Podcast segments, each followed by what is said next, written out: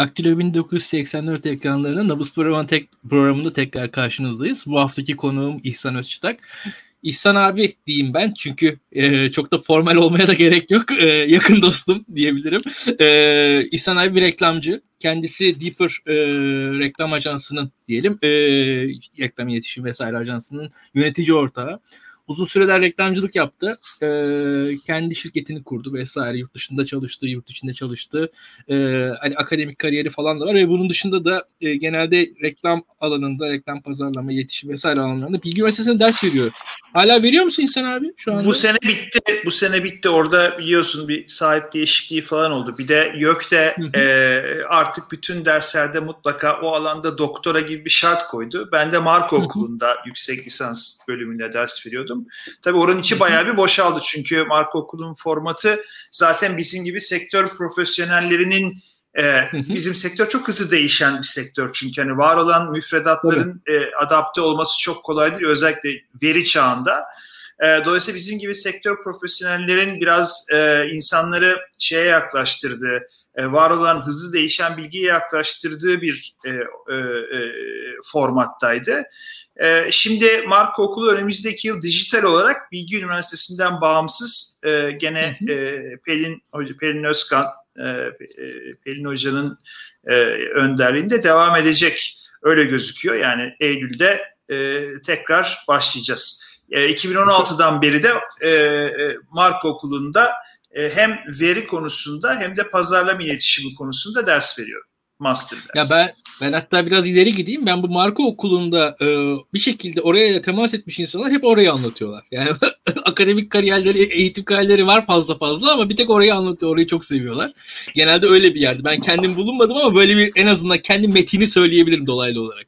ya doğru çünkü önemli bir boşluğu dolduruyor İlkan. Bizim sektörümüz e, çok hızlı değişti. Yani teknolojinin en fazla değiştirdiği sektörlerden bir tanesi. Yani 20 e, yıl tecrübeli bir doktor çok önemli. Adam 20 yıl te- 20 yıl tecrübeli reklamcı. Oo, yani o gitti o işler falan diye bakıyorlar. Hani dijital o kadar hızlı değiştirdi ki dolayısıyla sektör bilgisi olan bir yandan çok hızlı bir şekilde değişen bir sektörde e, e, arkadaşlarım pazarlamacıların ve reklamcıların e, bu manada saha bilgisiyle teoriyi birleştirebilmeleri için önemli bir e, dengeleyici bir formatı var marka okulunun. O yüzden değerli buluyorum ben de. Ee, yani bu arada tekrar yayınımızı e, izleyen arkadaşlar beğensinler, paylaşsınlar. Yayınımız daha fazla insana yayılsın e, bu vesile. Biz de onu söyleyelim. Ne kadar yayınımızı pazarlayamasak da biz de e, böylece kendimiz bir yerden tırmalamaya devam edelim. E, şimdi e, İhsan abi sana şey sorayım ben ilk başta direkt. E, bu sinyal teorisi konuşalım dedin. Çünkü ben e, bu sinyal teorisine geçmeden önce senin bir yandan da reklamcılık yapıyorsun ama bir de teorik ilgi alanların var. Yani hı hı. E, evrim, evrim teorisi, bu büyük data vesaire bu konulara da e, gerçekten anlamaya çalışıyorsun. Ve de, dedin ya e, yani hakikaten takip etmezsen kalıyorsun geride. Biraz da öyle alanlar Aynen. bunlar. Yani şu anda Aynen. da e, gidiyorsun yani orada o eci kaçırdığın anda gayet de geride kalabiliyorsun. E, sen burada yavaş yavaş bu sinyal teorisinden başlat bize anlatmaya da biz anlamaya çalışalım. Neler yapılıyormuş bu sahada. tamam. Öyle, tamamdır. Şimdi şöyle e, sinyal teorisi konuşalım dedim. Niye onu söyledim? E, çünkü eğlenceli örnekler var. E, e, sohbeti daha keyifli. O yüzden e, sinyal teorisi dedim. E, e, şimdi sinyal teorisi aslında evrimci biyolojinin bir kavramı. Reklama ait bir kavram değil. Orijinali evrimci biyolojiye ait. Yani canlılar birbirleriyle nasıl iletişim kurarlar? e, sinyaller vasıtasıyla yani tehdit sinyali de bir sinyaldir. Üstünlük sinyali de bir e, sinyaldir. E, ben sana tehdit değilim de bir sinyaldir vesaire vesaire. Yani sadece e, hayvanlar arası değil işte bitkiler e, şimdi bu konuda çok değerli bir reklamcı e, Rory Sterland'ın çok güzel bir lafı var. E, bir çiçek iyi bir reklam bütçesi olan bir tohumdur aslında diyor. Yani tohum ne yapıyor? kendi reklamını yapıyor çiçek olarak ve e, davet ettiği e, işte böceklere, arılara vesaire e, e, ilgi çekerek bunu yapıyor. İyi bir reklam bütçesiyle bu işi yapıyor. Şimdi e, e, sinyal teorisinin kökü bu. Canlılar birbirleriyle nasıl iletişime geçerler. Şimdi biz e, tabii temel dönüşüm onu mutlaka söylememiz gerekiyor. Benim dersimin adı da şu pazarlama iletişimine evrimci yaklaşım evrimci pazarlama. Davranışsal pazarlama anlatıyorum aslında. Yani e, davranışsal ekonomi ve bunun pazarlama uygulamaları.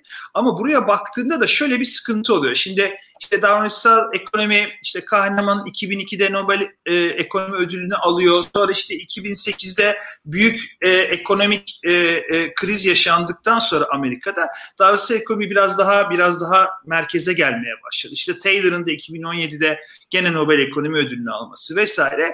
İşte e, Dan falan kitapları da bu işi popüler hale getirdi. İrrasyonelite vesaire. Burada şöyle bir sıkıntı var ama. Bu kavramları aslında çok satıhta öğreniyoruz. Ha, insan rasyonel değilmiş, irrasyonelmiş, kısa yollar varmış falan ve bunları çok hızlıca u- uygulamaya çalışıyoruz ama şunu unutuyoruz. Biz 20. yüzyılda formatlanmış insanlarız. Yani neoklasik ekonominin rasyonel bireyi, o bireyi ikna etmeye çalışan insanlar olarak formatlandık. Ve ideolojimiz bu olduğu için e, kendi içiminde e, yüzdüğümüz suyu da görmüyoruz. Şimdi e, e, bunu demin bahsettiğim Rory Sterland de söylüyor. Sen eğer bu konuda davranışsal ekonomi konusunda manalı, derinlikli bir perspektif elde edeceksen dönüp işi evrimden başlayarak anlamaya çalışman lazım. Yani evrim insan zihnini nasıl şekillendiriyor? Madem evrim teorisini biraz daha det ben çünkü önce iki hafta evrim anlatıyorum. Bayağı bildiğin Darwin anlatarak başlıyorum. Çocuklar şu lan pazarlama iletişimi okuyacağız diye geldik. Adam Darwin anlatıyor ama önemli. Şimdi dolayısıyla hani bu e, e, bu bağlamda sinyal teorisinde çok değerli bir yeri var. Çünkü biz konuşarak ve yazarak davranışları değiştirmeye çalışıyoruz. Temel hatamız bu. Ee, çok güzel bir e, şeyi var. E, Jonathan Haidt, e, önemli bir e, sosyal psikolog. E, Amerikan politikası üzerinde çok değerli çalışmaları var. Onun bu e, Kahneman'ın sistem 1, sistem 2 ilgili çok güzel bir metaforu var. E, sistem 1 yani bilinçaltı, duygular, ilkel beyin onu fil olarak tarif ediyor. Tamam mı? Üstündeki sürücüyü de sistem 2 yani bilinç olarak tarif ediyor. Diyor ki sistem 1 yani fil aslında bütün işi o yapıyor. Yani yolu o gidiyor ama sen hep sürücüyle konuşuyorsun. Ve sürücüye soruyorsun çünkü konuşan sürücü. Sürücünün dili var. Sürücüye soru soruyorsun, sürücüden cevap alıyorsun. Sürücüyü ikna etmeye çalışıyorsun ama şunu unutuyorsun. Fil sürücünün yüz katı ağırlığında. Ve fili eğer ikna etmezsen, konuşamadığın, direkt konuşamadığın fili ikna etmezsen o fil o yürü gitmez. Yani filin gitmeye, o yolu gitmesini ikna etme yolu sürücüyle konuşmak değil. Ne? Filin önündeki yolu açacaksın. Yani önündeki engelleri kaldıracaksın. Onu motive edeceksin artık havuç mu verirsin, ot mu verirsin vesaire. Bütün bunları yapacaksın ve fil hareket edecek. Sonra ne yapacaksın? Sürücüye ağzına bu işin niçin yaptığına dair bir excuse de vereceksin. Yani sürücü çünkü ben sürüyorum diyor ya. Abi öyle değil o iş. Yani dolayısıyla işi ben onu şey diye e, e, formüle etmiştim. Ve hani catchy başlıklar olunca insanın hakkında daha fazla kalıyor. Sürücüyü boş ver, file göre tasarla habire sürücüye göre iş yapmaya çalışıyoruz. Ya çok basit işte. Mesela e, davranışçı ekonominin Taylor'ın güzel örneklerindendir. E, Amsterdam hava alanındaki pisuarlar duymuşsunuzdur. En ünlü örneklerden. Şimdi herkese diyorsun ki arkadaşlar e, e, işinizi düzgün yapın tuvalette ortalığı pisletmeyin. Kimse buna hayır demiyor. Yani sürücüyle konuştuğunda herkes diyor ki tabii ki. E, yerleri bu getiriyor.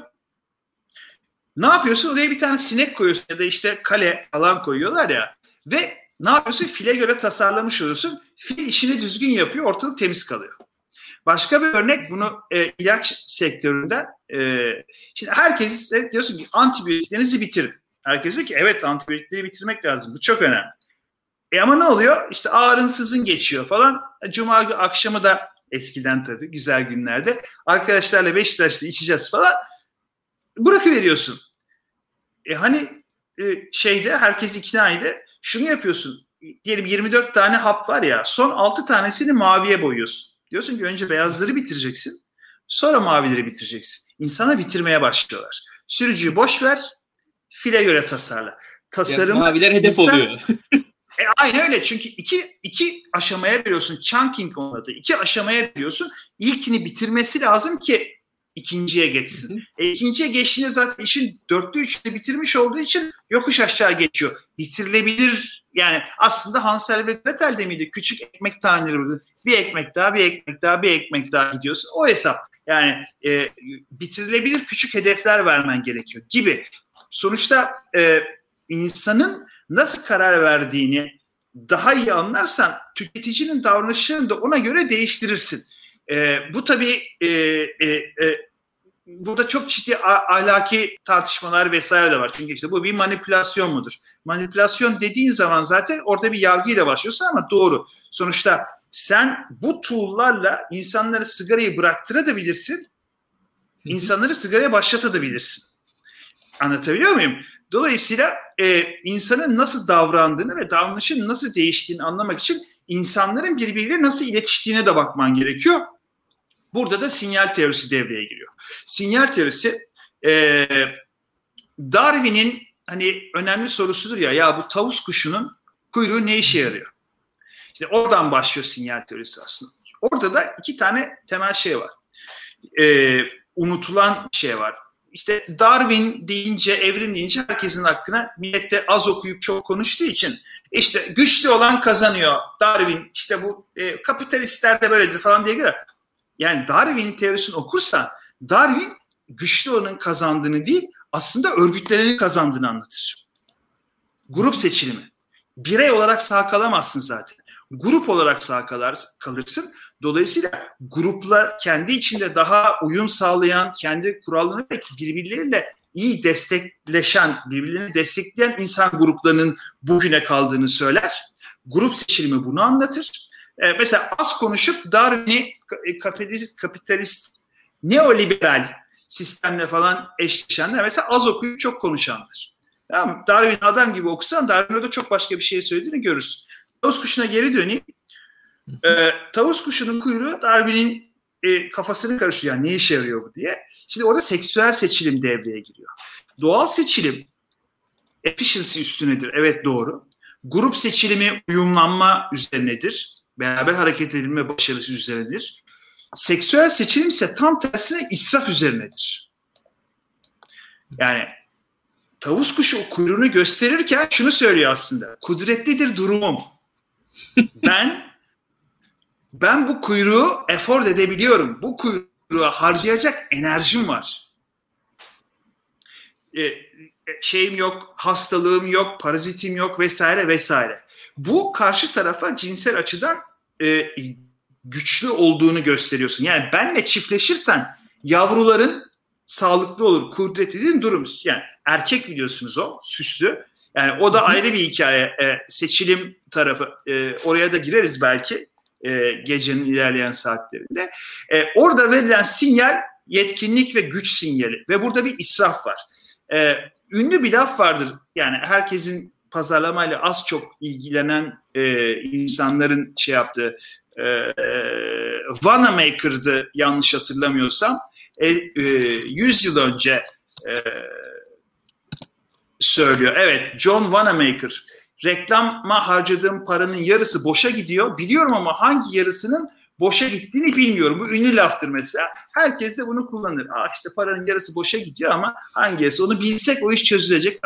Tabii yani 100 yıl önceden kalma süper analitik ve e, bu manada da aslında çok boş, yanlış bir laf. Neden? Tavus kuşunun kuyruğundaki israf aslında reklamda da var. Reklamda ben bunu şey diye yazdım. Siz bunu gene de CFO'nuza söylemeyin kalbini iner diye yazdım. Reklamın bir kısmı israftır. İsraf size satış olarak geri döner. Aynı tavus kuşunun kuyruğu gibi gösteriş yaparsınız çünkü. Mesela reklam e, e, ajansları, medya planlamacılar ne yapıyor? Diye bir lansman yapıyorsun. O gün saat 8'de bütün kanallarda giriyorsun değil mi? Ne gerek var? Onun bir kısmı israf. Efficiency hesaplarına göre baktığında onun bir kısmı israf. Ama ne yapıyorsun? Gövde gösterisi yapıyorsun.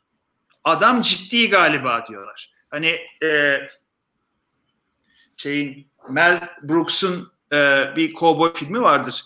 Orada e, kasabalı e, zenci şerifin etrafına gelir. Zenci de kendi kendine esiyor. Yaklaşmayın yoksa zenciyi vururum der. Şaşırır kadar adam ciddi galiba diye. E, Mel Brooks esprisi ama buradaki hikaye de o. Sen aslında markanın arkasında durduğunu orada gösteriyorsun. Ekstradan o parayı harcayarak. O israfın e, karşı tarafta tüketici tarafında sinyal olarak alınıyor. Şimdi yani çok kabaca e, e, hikayenin böyle örgütlendiğini söyleyebilirim. E, full reklamdan gitmeyeyim. Yani e, fitness sinyalleri, abartı, e, e, costly sinyaller yani masraflı sinyaller e, şeyin e, evrenin her tarafında var. Canlılar arası iletişimin her tarafında var. Sadece kuşlarda da yok. Mesela işte e, belgesellerde görürsünüz e, böyle işte hmm, bir predatör işte aslan, kaplan, çita falan şeye saldırdığında e, e, geyiklere falan saldırdığında kaçarken böyle havaya doğru sıçrarlar. Strutting deniyor ona. Türkçesini bilmiyorum. O mesela o bir sinyal. Ne sinyali? E, etrafındakilere e, tehlike sinyali değil. Önce öyle yorumlanıyor. Sonra şey ortaya çıkıyor. Aslında aslana ya da kaplana bir sinyal. Ben o kadar güçlüyüm ki çok havalara sıçrayabiliyorum. Sen en iyisi benim kadar havalara sıçramayan e, e, ceylanlardan, e, karacalardan bir tanesine saldır sinyali.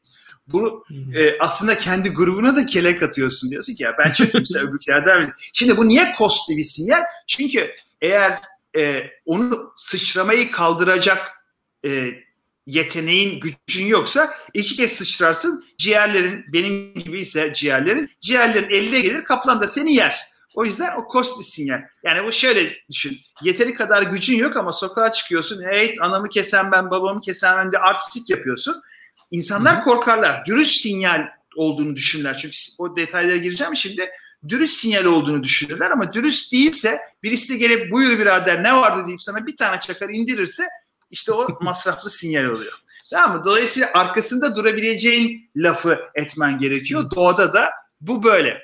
Şimdi e, bunun veriyle bağlantısı nasıl mesela? Şimdi e, çok katmanlı veri toplayabiliyoruz ve bu ins- insan davranışları ile ilgili kuş sürüleri gibi aslında onları gözlemleme imkanı veriyor.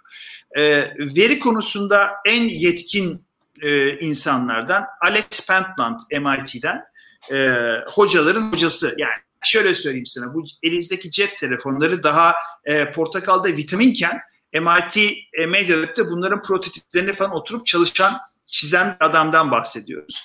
E, e, ve e, şöyle bir şey söylüyor. Diyor ki yani sosyal bilimlerde biz bugüne kadar hep az sayıda insanın az sayıda verisiyle ya da çok sayıda insanın az sayıda verisiyle ya da uzun süreli ama yılda bir kez alarak vesaire hep böyle bir aşağılarda sürünerek data topladık. Ama şu anda işte cep telefonlarıyla, internetle e, bu Mısır efsanelerindeki all seeing eye hani her şeyi gören göz gibi insan davranışlarını görebiliyoruz ve dolayısıyla artık e, computational social sciences yani e, e, çok daha sosyal fizik diyor buna.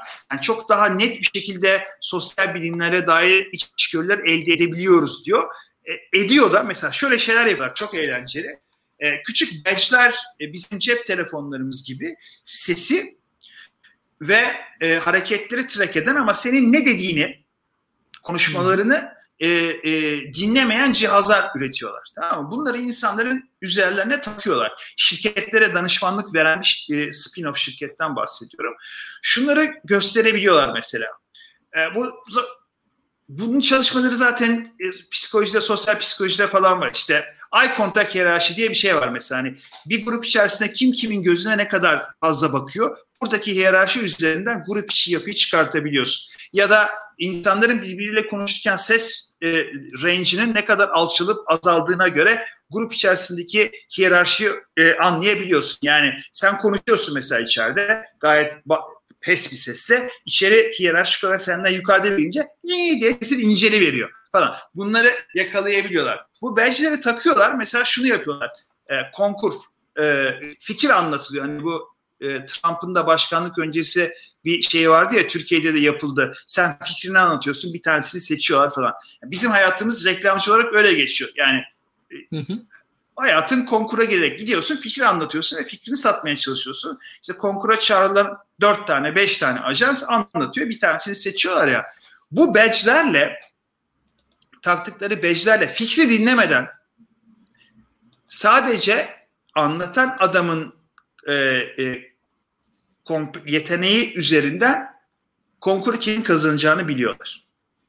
Çünkü sen anlattığın fikirden bağımsız olarak orada ses tonunla vesairenle bir e, e, fitness gösterisi yapıyorsun. Bu işi yapmaya ne kadar muktedir olduğunu anlatıyorsun ve aslında insanlar fikri değil seni satın alıyorlar. Bu badge bunu gösteriyor. Daha eğlencelisi speed date'lere gidiyorlar. Var ya bu 5 dakikalık date'ler. Gidiyorsun oturuyorsun işte kızlar erkekler. Badge'leri takıyorlar ve dönüp kimin kimi tercih edeceğini buluyorlar. %95. Bir de şunu da buluyorlar. Seçen kadın. Demin söyledim ya. Seçen kadın. Evet. Erkeklerin seçime dair en ufak bir katkısı yok. Kadın beğenirse erkek zaten beğenir. yani, yani şunu vesaire çapkınlık ve hepsi hikaye neticede o çıktı. Tabii tabii tabii. Kadın kadın beğenirse yani tamamen seçenler kadınlar. Çünkü doğada da bu böyle. Yani şimdi bizim yakın akrabalarımıza doğru bakarsak e, Sapolsky bunları çok güzel anlatır. Benden dinlemeyin e, televizyon izlemeyin. Daktilo 1984 izleyin. Ama bunları benden dinlemeyin. Gidin Robert Sapolsky'den izleyin. YouTube'da var. Robert Sapolsky'nin e, e, evrimci biyoloji dersi var. 14 ders, 28 saat. Stanford Üniversitesi e, bunu yıllar evvel YouTube'a koydu. Ben yıl çok evvelden e, e, izlediğimde, ilk izlediğimde herhalde 6-7 sene önce 1 milyonda falan ki çok yüksek bir sayıydı. Geçen sene baktığımda 5 milyonu falan bulmuştu ya. Bir evolutional biology dersi 5 milyon kişi izler mi? İzliyor. İzlemek lazım. ee, tavsiye etmiş olayım Sapolsky'ye. Şimdi e, şu var. Seçen kadın. E, bunun e, çok sağcı yorumları da var işte ebeveyn yatırım teorisi. Çünkü hani birlikte olmanın kadına maliyeti yani burada şimdi e, kulaklarını çırlatalım, beş postalık yapmayalım. E, e, maliyeti kadına daha yüksek. Tamam mı? Çünkü çocuk sahibi olduğunda o çocukla deal etmen gerekiyor. E, avcı toplayıcı kabilelerde yapılan bir sürü çalışma var. E, çocuk bakan kadın yeterli kaloriyi bir yandan çocuk bakarken toplama şansı yok. Çünkü bizim bebeklerimiz prematüre. Normalde 2 yaşında mı 2,5 yaşında mı doğması lazım bir şempanze kadar e, şey olabilmesi için. Yani ya şuranda dursun diye. E sen 2 yıl boyunca bakıyorsun ki anca şuranda dursun. O arada ölüp gidersin. Dolayısıyla ebeveynin yani erkeğin yatırım de, destek olması lazım. Dolayısıyla seçim konusunda kadınlar doğru e, e, yanlış erkeği seçtiklerinde onlara maliyeti daha yüksek. Dolayısıyla da e, insan topluluklarında da kadınlar ağırlıklı olarak seçici. Ve ama bunun şöyle bir sonucu oluyor. Erkekler arası e, e, e, e şiddet ortaya çıkıyor. Yani kadın seçici olduğu için e, zaten biliyorsun dünyadaki cinayetlerin e, e, yüzde 85'i erkekler erkekleri öldürüyor. Kalanında da erkekler kadınları öldürüyor. E, dolayısıyla sistemde şöyle bir şey oluyor. Sen seçme hakkını kadından alıp ailesine, topluma verdiğinde kadının elinden bu seçme hakkını alıp şu anda insellerin şikayet ettiği sorunu çözdüğünde yani sistem içerisindeki bütün erkeklerin bir şekilde çiftleşebileceği bir dünya kurduğunda ne oluyor? Şiddeti grup içerisindeki şiddeti engelliyorsun. O nereye geldik? Darwin grup seçilimi. Kadının elinden seçme özgürlüğünü alarak grubun hayrına bir çözüm bulmuş oluyor. Sistem bugüne kadar getiriyor. Bugünkü tartışmaları dolayısıyla böyle bir 500 bin yıl geriye kadar geri götürmek mümkün yani. Bugün e, ben şöyle bir e, şaka yapıyorum derste. Bugün konuşacaklarımızı dikkatli dinleyin. Çünkü bir anda yanınızda kasabada elinde oreletli bir amca, yanında da el örgülü bir teyze görünebilir. Çünkü kültür dediğiniz şey, muhafazakar kültür dediğiniz şey aslında gayet evrimcidir. kendini sürdürür. Aynen öyle. Çünkü seçilim seçilim avantajı sağlıyor sana. Grup Kesinlikle. içerisindeki şiddeti düşürüyor ve herkes çiftleşebiliyor. E, oradan yürüyorsun. Kimin elinden ama neyin buradaki trade-off'ta kim kaybediyor? Kadınlar kaybediyor. Ya e, şimdi açıkçası birkaç boyut var. Her boyutu ayrı ayrı ilginç. Ürünler bağlamında boyutu ilginç. Toplumun yönetimi bağlamında mesela ilginç. Ki evet. ben e, gene senden duyduğum o mesela bir Texas örneğini vermeni isterim açıkçası. Ha, durumda... çok güzel ya. Şimdi sinyal, sinyal teorisiyle çok bağlantılı. İyi bir örnek o. Ben de e, e, 2-3 yıldır her yerde anlatıyorum. Yani çok eğlenceli. Eski bir reklam kampanyası o. Ama iki yıl önce galiba bir sempozyumda dinlemiştim. Ee, şimdi hikaye şu. Türkiye ile bağlamıydı da e, şey yapacağım. Şimdi her kimi ikna etmek istiyorsanız onun anlam dünyasından konuşmanız gerekiyor. Onun davranışlarını dönüştürebilmek için onun sinyal, onu doğru okuyacağı sinyalleri vermeniz gerekiyor. Ee, Texas'ta 1980'lerde e, Texas'ın en büyük problemlerinden bir tanesi çöp. Çok büyük bir eyalet. Biliyorsunuz. Niye biliyorsak Texas'ın çok büyük bir eyalet olduğunu biliyoruz. İşte çöl var işte da, biz Dallas'tan beri biliyoruz. Siz daha yoktunuz biz Dallas seyrediyorduk. Ondan sonra e, ve bu koca çöldeki koca otobanlarda etrafa insanlar çöp atıyorlar. Ve e, local authority bu çöpleri toplamak için çok uğraşıyor ve çok ciddi bir e, maliyeti ve doğaya zararı var. Ve devamlı olarak Texas'ımızı temiz tutalım kampanyaları yapıyor. Texas'ımızı temiz tutalım, Texas'ı hiçbir şey yaramıyor. Yani hani bizim government'ın, bizim hükümetin de öyle bir sürü sosyal sorumluluk yapmayalım lütfen falan. Hiçbir şey yaramıyor. Şimdi tabii yani deminki şeyle aynı. Pisuar örneğine yani insanlar herkes diyor ki tabii çöp dökmemek lazım. Kimse aa bana ne lan dökeceğim demiyor. Herkes diyor ki evet çok dökmemek lazım. Ve herkes atıyor. Neyse başa çıkamıyorlar. Diyor ki ya biz işte reklamın da tabii o zamanlar daha güçlü olduğu zamanlar e, iyi bir reklam ajansı çağıralım da bu işi onlar çözsün diyorlar. Dönemin iyi bir reklam ajansına işi veriyorlar. Ajans önce şunu yapıyor. Core audience deriz biz ona. Yani kökte bu işi asıl başlatan kim? Hani benim nereyi çözmem lazım? Orayı çözersem geri kalanı çözerim. Yaptığı araştırma şunu gösteriyor. Bubalar denen e, bizdeki hani tırnak içinde krolara denk gelen e, 15-35 yaş az eğitimli işte hayvancılıkla uğraşan kamyonlarda gezen bira içip içip kutusunu sokağa akşamları e, işte direkt dansına çamur güreşine giden falan e, e, genç erkek kitle. Ya bu adamlara Texas'ımı temiz tutalım denir mi? Yani hani tree huggers. Hani ağaca sarılıyorsun sen. Adam diyor ki e, şunlara bunların hepsi eşcinsel diyor falan. Bu adamlardan bahsediyoruz. İşte bu adamların çöp atmasını nasıl engellersin? Ajans şöyle bir çözümle geliyor. Don't mess with Texas. Mess aynı zamanda çöp anlamına geliyor. Orada kelime oyunu var ama Texas'a yamuk yapma.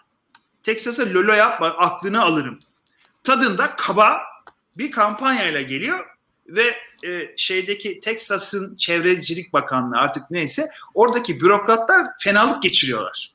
Bir de 1980'ler hani bugün değil yani bugün reklamcılık alıştık böyle şeylere. Şu anda o kadar şok edici gelmiyor. O gün için korkunç bir şey. Hakikaten ayılıp bayılanlar kabul etmiyorlar. En son diyor ki ya bari sonuna lütfen yazın. Hani Texas'a yamuk yapmayın lütfen. Ajans diyor ki hayır take it or leave it yani ya bunu böyle yapacaksınız ya yapmayacaksınız ve hani kampanyanın alt kırılımları da var. İşte e, şeyi e, bizdeki arabesklere tekabül eden dönemin country şarkıcılarını kullanıyorlar. O adamların sevdiği şarkıcıları kullanıyorlar. Bir de mikro milliyetçilik vardır ya işte Bolulu Düzceli'yi sevmez, Sinoplu Ayancıklı'yı sevmez. Lagrima'nın kulakları çınlasın işte Ayancıklı Gerzeli'yi sevmez falan filan. Bunlar da işte buraya çöp atan Oklahoma'lı olsun falan tadında kampanyalar yapıyorlar. Yani çevre eyaletlerle olan gerilimleri de kullanıyorlar. Ve Teksaslı olmaktan gurur duyan genç erkekler Teksas'a çöp dökülmesine izin vermiyor tadında aslında milliyetçi bir kampanya yapıyorlar.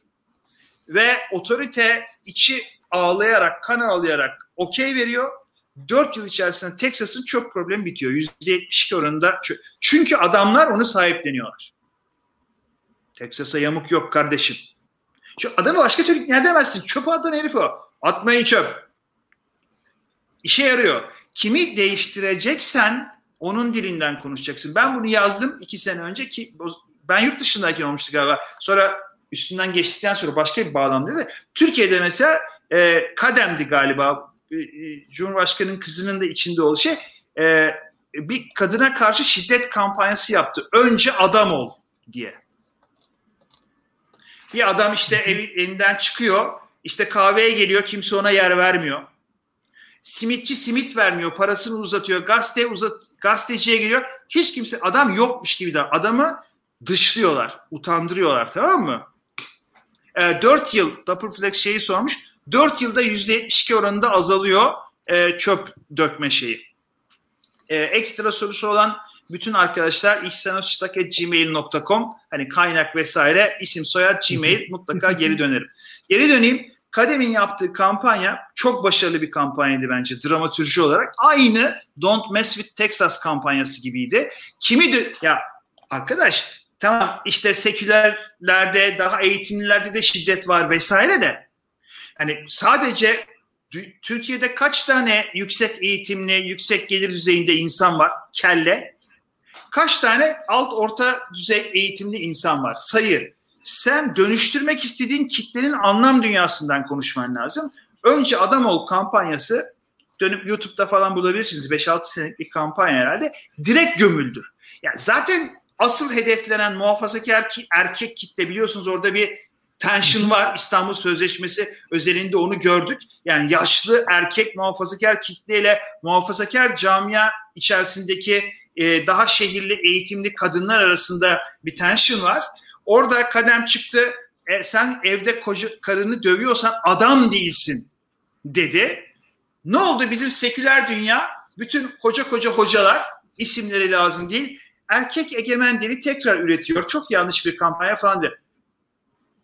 Arkadaş sen kimi ikna etmeye çalışıyorsun? O adamı, kahvedeki adamı ikna etmeye çalışıyorsun. O adamın dilinden konuşmaya. Beni ikna ettin ben çok beğendim. Ondan sonra ne oluyor? İşte kadınları dövmeyelim lütfen deyip kendi suratlarını mora boyayan kampanyalar yapıyorlar. Allah akıl fikir versin. Ama çünkü kendi mahallende o daha çok beğeniliyor. Sen onu e, şey bir az e, e, iki mahalle aşağı insene Cihangir'den. İki mahalle değil iki sokak bence yeterli. İki sokak. Ee, Kimi dönüştürmek istiyorsanız onların anlam dünyasından doğru konuşmak zorundasınız. Çünkü insanlar kendilerini kötü hissettiren kampanyalar üzerinden, kendilerini düşkün hissettiren, kendilerini aciz hissettiren kampanyalar üzerinden ikna edemezsiniz. Nasıl bubaların çöp atması engelleniyor? Ben bir Texas sever olarak buralara çöp atılmasına izin vermiyorum. La çöp atılması engelleniyor. Halbuki Texas'ın hıyarları her tarafa çöp atıyorlardı. O adamlar çöpün atılmasını engelledi.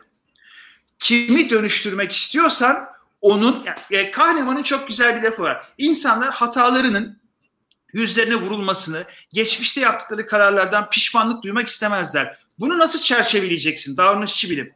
Geçmişteki hataları sayesinde geleceğe daha olumlu bakacağına dair bir framework kurabilirsen insanların davranışını dönüştürebilirsin.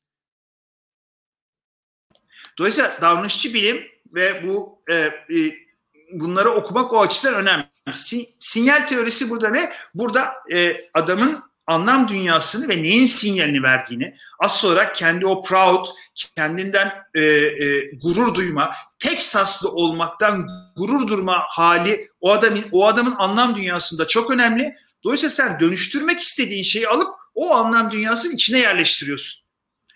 Tanıdık sürprizler diyoruz biz buna. E, radyocuların yaptığı bir şeydir. Çok sevilen şarkıların arasına Spotify'da yapıyor ya yeni şarkıları yerleştirirsin. Toast sistemi. Dönüştürmek istediğin şeyleri ya da kötü bir şey söyleyeceksen iki tane iyi şeyin arasına söylersin gibi. Burada sen tanıdık ezgilerin arasına yeni bir şey eklediğinde o da o tanıdıklık arasına kaynar. Onun gibi bir şey. Burada da sen neyi dönüştürmek istiyorsan, kimi dönüştürmek istiyorsan onların anlam dünyası üzerinden dönüşümü programlamak zorundasın. Kendi arkadaş çevrene göre değil. Ya, e, bu anlattıklarından sonra İhsan abi ister istemez benim de aklıma şu soru geldi. Yani e, bugünlerin fenomeni de bu. Biraz bunu konuşmak lazım. Seni de bulmuşken. E, çünkü şöyle bir şey var. E, gelen mesela videolara dair bir yorum vardı. Ya bu videolar 55 dakika, bir saat olmak zorunda değil. 10 dakika olsa aynı şeyi anlatır. Ama uzun. Çünkü dediğin gibi bir şey tost yapıyor. Bir klasik e, o hamaset şeyinin arasında onu yerleştirebiliyor. Bir diğeri de yine aynı şekilde senin anlattıklarınla bağlantılı ben bir de şunu gördüm. Mesela kitap e, ve kitap imgesi mesela bizim e, daha beyaz Türk dediğimiz kitlenin daha seküler e, birazcık daha orta sınıf kentli kitlenin algısıyla esasında farklı. Ve bir yandan da şunu fark etmeleri lazım bence. Kitap orada da bir işe yarıyor. Yani kitabın bir işlevi var ve kitaptan kitaba referansı orada da bir otorite işlevi gayet var aslında. Onu da biraz evet. zor da olsa fark ettik yani. Onu da onu da düşünüyorum şu anda. Bilmiyorum sen ne dersin? Yani şöyle bir şey var. Ee, bizim tabii en fazla işte bu sosyal medyayla bu yankı odaları falan filan çok moda oldu konuşuyoruz da yani yankı odaları zaten vardı. Sosyal medyayla daha Hı-hı. görünür hale geldi. Kendi anlam dünya yani ideoloji öyle bir şey ya. Demin de konuştuk hani kendi içinde devindiğin suyu fark etmiyorsun. Yani şimdi alt üzere falan girmeyelim de e, yani sonuçta kendi anlam dünyan üzerinden dünyayı tanımaya başlıyorsun. Dolayısıyla diğer daha uzak olduğun, daha fazla tanımadığın insan gruplarının aynı şeyi nasıl algılayacağına dair bir bilgin yok. Ve kendini de rasyonel bir birey olarak düşündüğün için senin, sana mantıklı gelen ama e, e, kararlar doğru, sana mantıklı gelmeyen şeyler ise ya işte cahillik, eğitimsizlik bilmem ne falan üzerinden algılama e, eğilimdesin. Halbuki öyle değil. Yani örnek vereyim. Şimdi vücudun tepki veriyor abi. Sistem bir çalışıyor ağırlıklı olarak. E, şimdi 11 Eylül sonrasında bilinen hikaye yani 11 Eylül sonrasında Amerika'da insanlar sokakta sih falan dövdüler. Sırf başı türbanlı sakalı var falan işte rengi koyu renk diye. Çünkü onu tehdit sinyali olarak algılamaya başladı. Yani bu adama benzeyen bak bu kadar basit çalışıyor insan beyni bu adama benzeyen birileri e, e, binaları patlattı. Bu da beni patlatacak. Anlatabiliyor muyum? Şimdi senin için çok e, e, uhrevi olan aksakallı bir dede adam için terörist olabiliyor. Ya da senin için terörist aman Allah'ım cübbeli iğrenç falan diye hani seküler mahallede annelerimiz, fön Türkler falan filan gördüğü şey adam diyor ki o benim dedem lan. Ya benim dedem o sen benim dedeme canavar diyorsun. Sonra sen o adamla iletişim kurmaya çalışıyorsun. Her imge kendi e, e, kabilesi içerisinde farklı bir anlama sahip. Dolayısıyla mesela işte e, ne yapıyor Sedat Peker'de? İşte oraya tesbihini koyuyor. Her seferinde bir şey koyuyor. Kendine göre e, ki kendine göre derken yani gayet şey bir şekilde bir strateji kurup e, e, açık mesajlar kapalı mesajlarla gidiyor ve ne yapıyor mesela hep karşı tarafın Sedat Peker çoğu iletişimden akıllıca bir şekilde ne yapıyor? Karşı tarafın anlam dünyasına da devamlı e, her konuşmada bir iki tane şey yapıyor. E, e, ben okuyorum, kendimi geliştiriyorum da diyor. İşte e, farklı e, e işte Alevilerden bahsediyor vesaire vesaire. Tabanını o manada izleyici tabanını e, e, kendine yaklaştıracak e, stratejiler kuruyor. O açıdan aslında hani e, iletişim açısından takdire şayan onu kabul etmek lazım. Doğru. Ya e, tabii ya sen bunları anlattıkça İhsan abi benim aklımda tabii bir taraftan işin e, fiilen reklam pazarlama tarafı var. Bir de bir tarafında e, insan hmm. ilişkileri, işte eş seçimi vesaire tarafından insanların aklına geliyor. Bir diğeri tabii e, ister istemez daktilodayız. Siyaset tarafı var. Yani orada o, o nasıl referanslar veriliyor veya nasıl tercihler aslında siyasetçinin yaptığı ki e, bizde mesela şeydir e, bilmiyorum o, o işte siyasetçi mesela bayram gününü gider e, işte yüksek ovada geçirilir falan bazı. İşte o, o hareketler yapılıyor ister istemez. Yani e, çok anlamlı mıdır? Aa, bir anlamı var işte. Demek ki hepsi yapıyor. E, bunun gibi birçok şey aklıma... İnanmak ister. Ya şey, çok affedersin lafını kestim. Orada şöyle bir şey. Ha buna kim inanacak falan diyorsun da inanmak isteyen inanıyor zaten. Yani onun supporterları inanıyor. Orada yani şey, sinyaller şimdi dürüst sinyaller dedik ya. Şimdi dürüst sinyal var e, sahte sinyal var, ters sinyal var. Yani çok detayına girmiyorum, yani çok teknik konuşmuyorum da orada sen bakıp diyorsun ki ya bu adam buradan çıkıp 5000 odalı saraya gidiyor. Bu dürüst bir sinyal değil diyorsun. Tamam mı? Sen bunu sen bunu böyle hissediyorsun da öbürkü öyle hissetmiyor. Bütün tarihiyle birlikte bakıyor. Bütün tarihiyle birlikte bakınca kendi içinden çıkmış biri olarak senin ettiğin o lafı zaten bizden herhangi birinin e, varsıl olmasını ya da muktedir olmasını zaten kabul etmiyorlar diye bakıyor. Dolayısıyla bu e, e, bugünkü tartışma hep bunun etrafı. İşte Faik Öztürk diyor ki ya senin baban monşer diyor falan. Şimdi burada şey çok komik diyorsun ya abi ne alakası var? Ben sırf üniversite bitirdiğim için e, e, beyaz oluyorum. E sen orada sarayda yaşıyorsun vesaire. Şimdi burada e, hikayeyi başka türlü bölmek Kızılderililerin galiba öyle bir şey var. Bizdeki futbol takım taraftarlığı gibi işte farklı farklı kabileler var. Kabileler arası kavgayı azaltmak için yatayda e, başka kimlikler yaratıyorlar. Yani hani Fenerbahçelilik, Galatasaraylılık gibi. Burada çok güzel bir örnek vardı. E, belki konuşmuşuzdur. Tam seçimlerden önce iki seçim arası özür dilerim. İptal edilen seçimden sonra sokak röportajları hani tabii ki izliyoruz binlerce izledik. Genç bir kız e, böyle o 16-17 yaşında 18 değildir muhtemelen tesettürlü bir kız e, e, e, Binali Yıldırım'ı destekliyor. E, zaten Trabzonlu e, e, Tayyip Erdoğan'ı çok seviyor. Gözleri içi falan çok da tatlı bir kız. Diyor ki işte şöyle de böyle de anlatıyor. Yani şey yani onu e, izlediği kendi kana aldığı haberleri içselleştirmiş bir şekilde anlatıyor. Diyor ki yani e, işte seçimde diyor hile yapıldı diyor. O yüzden diyor ben Binali e, Yıldırım'ı çok seviyorum diyor. Zaten Recep Tayyip. Peki dedi İmamoğlu işte dedi onlar çağırdı. Ama dedi İmamoğlu da e, e, Trabzonlu sizin oradan dedi şey spiker. Kız şöyle bir durdu ama bir an ve yüzü aydınlandı. Ya evet ya bizim oradan zaten çok sevimli bir adam aslında falan dedi. Şöyle bir kaldı. Bak stroke testi vardır. Stroke yani testi o, vardır. E, kırmızıyı yürümeye devam yazarsın.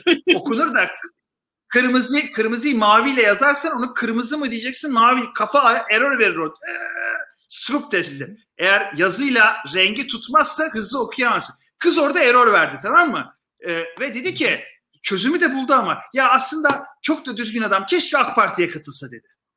Kendince çözdü. Şimdi anlatabiliyor muyum? Bu, işler biraz böyle. Kimin anlam dünyasından konuşacaksın? Orada da ne yapıyor aslında? İmamoğlu'nun aslında daha e, klasik CHP'li kimliğinde olmaması, sokaktaki insana çok rahat dokunması, e, e, e, işte o karikatürleştirilen seküler e, monşer e, e, e, Cumhuriyet mitingçi CHP'li tiplemesine uymaması e, e, tabii ki onun e, ona karşı üretilecek stratejilerde de karşı tarafı zorluyor. Çünkü yataydan kesiyor. Baktığın zaman İmamoğlu klasik merkez sağ siyasetçisi gibi e, olarak duruyor. Ama şimdi e, tamam çok da beğenmeyeni var. Yeteri kadar solcu bulunuyor ama baktığı zaman adam Gezi'ye de katılmış.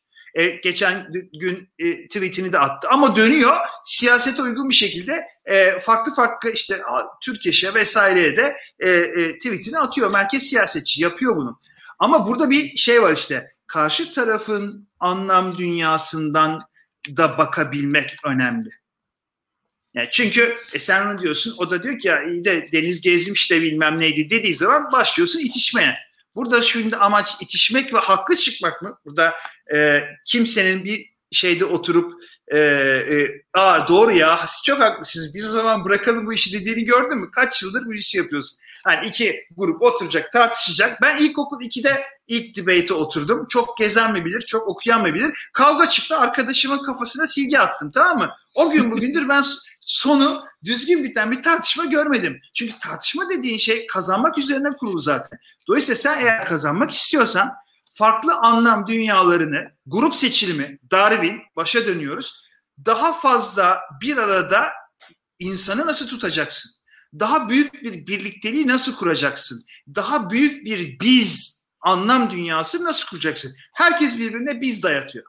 Tamam mı? Şimdi bu şizofrenik bir toplum olduğu için yani şeye kadar gideriz şimdi. Ermeni teşhirine kadar gideriz. Ee, herkesin birbirine tarih ve biz dayattığı bir ülkede daha kalabalık ortak bir biz nasıl kurulacak sorusunun cevabı beni yüzde yüz tatmin etmeyecek zaten. Beni yüzde yüz tatmin ederse zaten sadece bana benzeyen insanları tatmin eder. Bir bana benzeyen insanlar zaten gidip Ege'de küçük bir kasabada belediye seçimi bile kazanamayız. ee, şimdi 45-46 dakika oldu. Biz de bugün çok da uzatmayalım dedik Ağlayalım. ama ister istemez evet. gene uzattık. Aynen öyle. Ee, bu burada yayın sırasındaki isimleri vesaireyi ben sonra bulur e, tek tek yayınımızın altına tweetleri falan da link olarak atarım. E, bugün atamam da yarın atarım ben onları merak etmeyin arkadaşlar bir onu söyleyelim e, bir defa. Bunun dışında e, İhsan abi senin son sözlerini alalım. E, artık açıkçası genelde bu teoriyi anlattın. Senin yazına da linkini verdik biz e, yayınımızın altına. Evet. Açıkçası o e, işte şeyde e, yazdığın linki Medyaket'in de yazdığın yazının da linkini verdik açıkçası. Oradaki yazılarını takip etsin insanlar. Onu da söyleyelim. Ee, orada ilginç e, gene bu te- bunla, bunlara yakın bu paralelde yazıların da var. Evet. Ve özellikle e, yani evrim teorisi evet. üzerinden de pazarlamaya reklamcılığa bir bakış açısı getiriyorsun. Hem evrim üzerine, evrim ve pazarlama hem de sinyal teorisi üzerine. E mesela en son bu en son onu anlatayım. Öyle bitirelim. Geçelim. Tabii. Şimdi e, Emmy geçen seneki Emmy ödüllerinde Ricky Gervais öyle mi okuluyor? Ee, evet. Bir konuşma yaptı hani viral oldu. Bütün Hollywood yıldızların ağzını yüzüne etti çıktı. Tamam mı? Alın ödüllerinizi defolun gidin burada artistik yapmayın dedi. Hepsini yüzüne çarptı. İşte o e, virtue signaling yani erdem sinyallemesi denilen şeyi insanların yüzüne vurdu. Erdem sinyallemesi ne? Çıkıyorsun diyorsun ki işte kardeşlik olsun, barış olsun e, vesaire. Kostu ne? Bak ne dedim? Sinyalin karşı tarafı için ikna edici olması için bir kostu olması lazım. Yani tavus kuşunun kuyruğu gibi. Sana maliyeti ne arkadaş bunun? Boş konuşuyorsun. Bir tane çok komik karikatür var. Bat, Batman'e bat sinyal yolluyorlar. Batman de karşı sinyal yolluyor. Ee, bütün iyi niyetlerim ve e, dualarım e, Gotham City halkıyla. E, yaptığın şey prayers. Evet, thoughts and prayers for uh, Gotham City. Gideceksin. Bir şey yapacaksın. Oradaki şey şu. E, 1900 kaçtı? E, e, Marlon Brando e, e, baba ödüldeki rolüyle Oscar ödülünü aldığında biliyorsun Oscar'ı reddediyor ve sahneye de bir kızıl derili yolluyor. Tamam mı? Onun da videosu var. YouTube'da bulur arkadaşlar. E, Roger Moore sunuyor. E, ve o o sırada herkes hey ne kadar güzel diye alkışlamıyor. Yuhalayanlar var. Marlon Brando o ödülü reddederek bir kost üstleniyor. Bir cesaret gösteriyor. Ahmet Kaya'nın gösterdiği cesaret gibi. Sonu Ahmet Kaya gibi olmuyor ama orada Marlon Brando'yu yuhalayanlar var. Dolayısıyla herkesin alkışlayacağı bir şeyi hep beraber söyleyip thoughts and prayers yapıp kendinden o işin içine boş konuşmuş oluyorsun. Virtue signaling yapmış oluyorsun. Eğer bir şeyi sinyalleyeceksen onun sana bir maliyeti olması lazım. Bu markalar için de çok önemli. Yani çıkıp işte çevreciyiz biz bilmem ne işte en rezili iki, iki sene önce Pepsi galiba Kendall Jenner'la bir pro, şey yaptı hatırlarsanız. İşte polis polislere polislere Pepsi veriyor. Herkes sarı mutluluk içinde dans ediyor. Allah belanızı versin dediler. Yayından kalkan en hızlı yayından kalkan reklam filmi oldu galiba. Dolayısıyla sinyal teorisini bilmek ve kırılımlarını bilmek insanların birbiriyle kurduğu iletişimi anlamak için çok önemli deyip susayım e, açıkçası biz bu yayını çok sevdik.